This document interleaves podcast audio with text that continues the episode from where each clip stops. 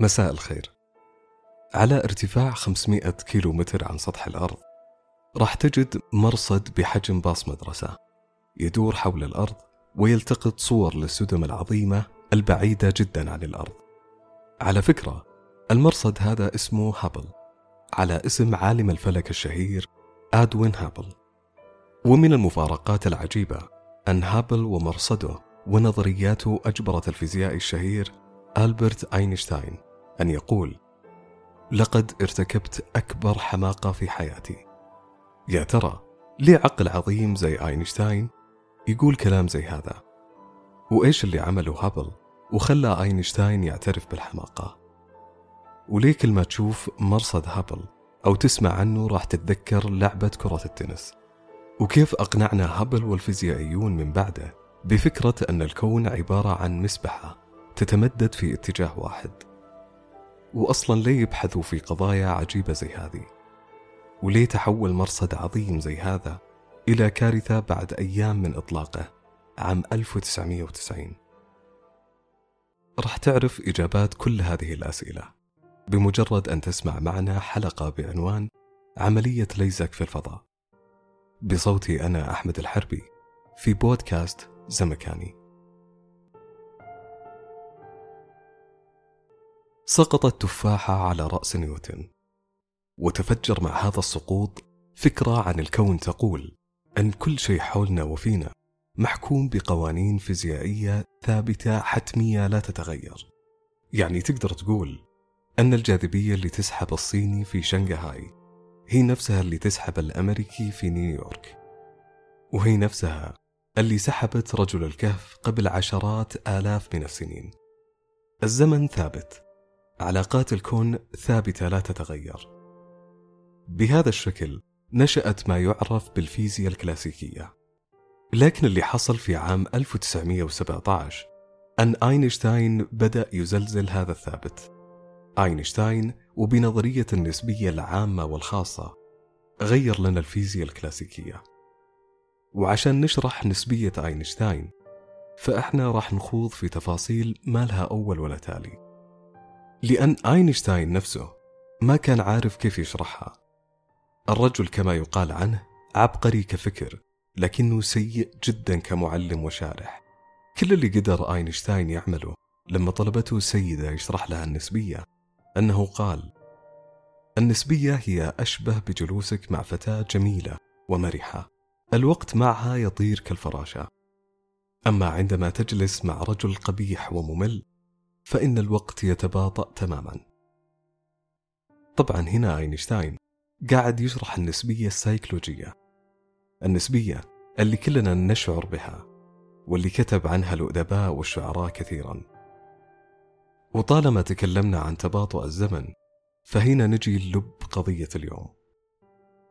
إحدى النقاط اللي زلزلها أينشتاين في نظرية نيوتن هي مفهوم التباطؤ الزمني. وهي فكرة غريبة وبصراحة مجنونة جدا. الزمن عند أينشتاين مو ثابت. مو سهم ذو اتجاه واحد يتحرك من الماضي للحاضر للمستقبل. الزمن يختلف باختلاف السرعة. ودليل إثبات هذا الكلام عند أينشتاين كان بالأرقام والمعادلات الرياضية. يقول أنه كلما زادت سرعة الجسم تباطأ عنده الزمن. يعني لو انطلقت بسرعة الضوء اللي هي 300 ألف كيلومتر في الثانية. فأنت راح يمر عليك الوقت بشكل أبطأ.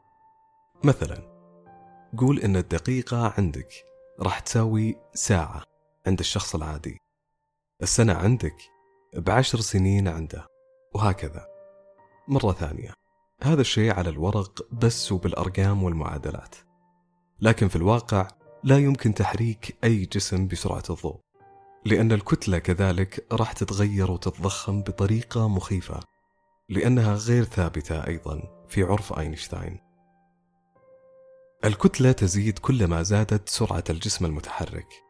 مو زي نيوتن اللي كان يقول كتلة أي جسم ثابتة وهي عدد ذرات المادة في الجسم. أينشتاين يقول أن كل شيء نسبي وقابل للتغيير. نجي للنقطة المهمة. أينشتاين انطلق في نسبيته ووصل مواصيل بعيدة.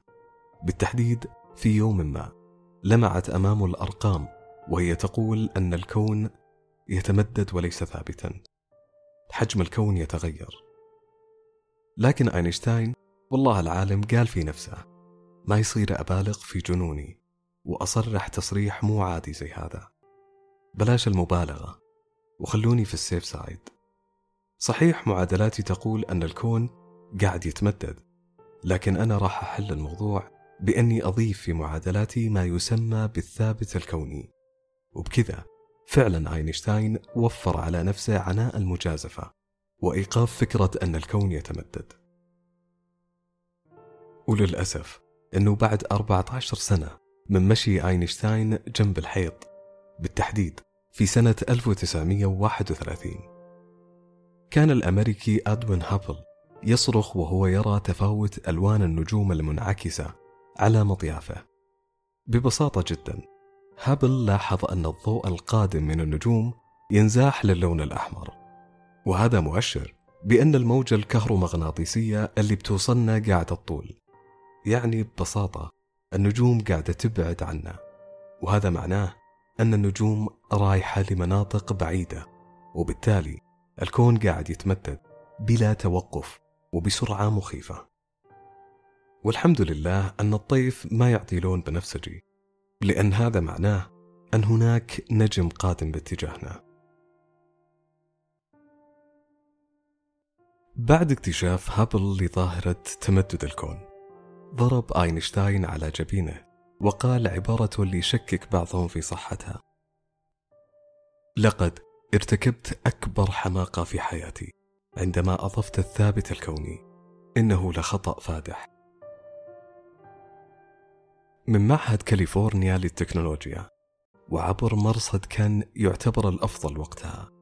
أثبت هابل تمدد الكون.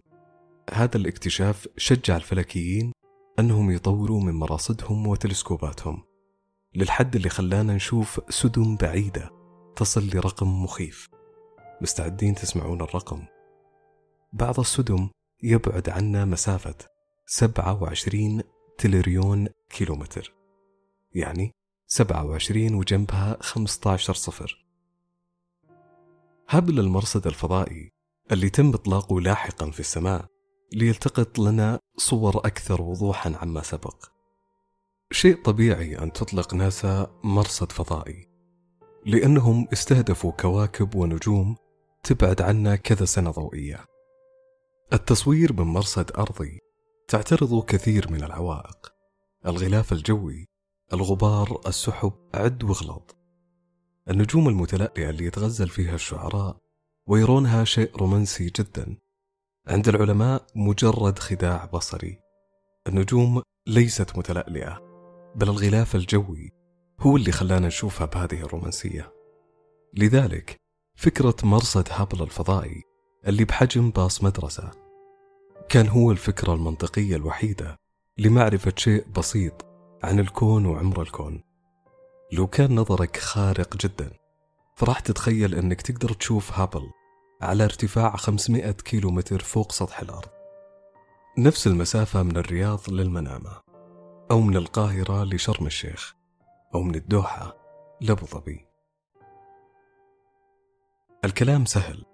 الدليل هو أن اللي طرح فكرة إطلاق مرصد للفضاء كان مبتسم أكيد. لكن الناس اللي ضربت على صدرها وتكفلت بتمويل وتنفيذ هذا المشروع كانت تبكي. يا جماعة عدسة المرصد لوحدها. كانت تكلفتها 450 مليون دولار. الجماعة اشتغلوا أربعة مليون ساعة عمل وعملوا المستحيل. عشان يصنعون المرصد من مادة تستحمل الحرارة والبرودة المتفاوتة. طبعا لازم مادة ما تتمدد وتنكمش وإلا فقدت العدسة ثباتها وطلعت لنا صورة مهزوزة. لا تسمن ولا تغني من جوع. استخدموا مادة epoxy graphite المادة اللي تشبه ال fiber أو البلاستيك نفسها اللي بيستخدموها في صناعة مضارب التنس. مادة صلبة. وفي نفس الوقت خفيفة الوزن. أعتقد أنك على طول راح تتذكر هابل كل ما شفت مباراة تنس. مو بس كذا. المشروع تأخر وتأجل أكثر من مرة خاصة بعد كارثة ماكوك تشالنجر بعد إطلاقه بثواني وموت كل طاقم العمل بداخله. كان الوضع النفسي والمادي محبط للغاية. كان الشك يضرب أرجاء المكان وجدوى مثل هذه الرحلات صار محل غضب وسخرية إلى أن جاء الفرج في عام 1990 انطلق التلسكوب بعد ما كلف 2 مليار دولار و20 سنة عمل. متخيل أن مشروع بهذا العمر والتكلفة خلاص يجري كالشمس في مداره وبدأ في التقاط الصور واكتشاف ما لم يكتشف قبل ذلك. سعادة لا توصف مو كذا. تعال أعطيك الخبر السيء اللي سد نفس كل أفراد ناسا وضواحيها. الصور كانت مهزوزة وغير واضحة. بالعربي أنت كأنك حرقت 2 مليار دولار بلا فائدة. تخيل حجم الإحباط اللي عاشت فيه ناسا وكل الأمريكيين وقتها. 2 مليار دولار تدور في السماء بلا أي نتائج. كان الحل وقتها إما دفن الرؤوس في الرمال وتحمل عشرات السنين من السخرية ومنشيتات التشفي. أو عمل صيانة للعدسة على ارتفاع 500 كيلو متر فوق سطح الأرض. العدسة فيها إشكالية بسيطة بسبب خطأ في شد مساميرها المثبتة. وكان لابد من تقني شاطر ويجيد السباحة في الفضاء وأكيد مزاجه عالي جدا عشان يطلع كل هذه المسافة ويشد المسامير المنحلة. فعلا كان هذا أعلى انحلال سجلته البشرية وفعلا هذا اللي صار. سنة كاملة ورواد الفضاء الجدد يتدربون على العمل في الفضاء الطلق وعلى عمل صيانة للعدسة المنحلة. وكأنهم جراحين عيون ومهمتهم عمل ليزك لمرصد فضائي على ارتفاع 500 كيلومتر. وحصل المطلوب. في 1993 رواد الفضاء في منظر ساحر. الكرة الأرضية من تحتهم والنجوم من فوقهم منهمكين لمدة سبع ساعات لإصلاح خطأ بسيط تسبب في ضعف نظر أكبر عدسة. ننظر بها إلى الكون. قصة هابل ومرصده الأرضي وبعده المرصد الفضائي اللي تسمى باسمه. خلتني أطرح مليون سؤال وسؤال نيوتن أينشتاين هابل ناسا ماذا يريدون؟ ليه كل هذا العناء؟ أو بالأصح هل يستاهل البحث كل هذا التعب؟ طبعا الإجابة السريعة تقول أكيد يستاهل لكن الإجابة المتفحصة تقول أن لكل شخص أجندته وأهدافه البعض يبغى يثبت أزلية الكون عشان ينفك من سؤال كيف بدأ الكون؟ أو كما يسمى في كتب العقائد والفلسفة قدم العالم. البعض وده يعرف كيف تطور الكون والبعض الآخر يبغى يعرف مصير الكون القادم. وكلها فرضيات وضعت بناء على ما وصلت إليها التحديثات العلمية. فكرة تمدد الكون. وصلت العلماء لقناعة أن الكون يتمدد في اتجاهين بدون مركز. يعني تخيل أن عندك سبحة. السبحة خيطها من مطاط. تخيل أنك تسحب السبحة من الطرفين.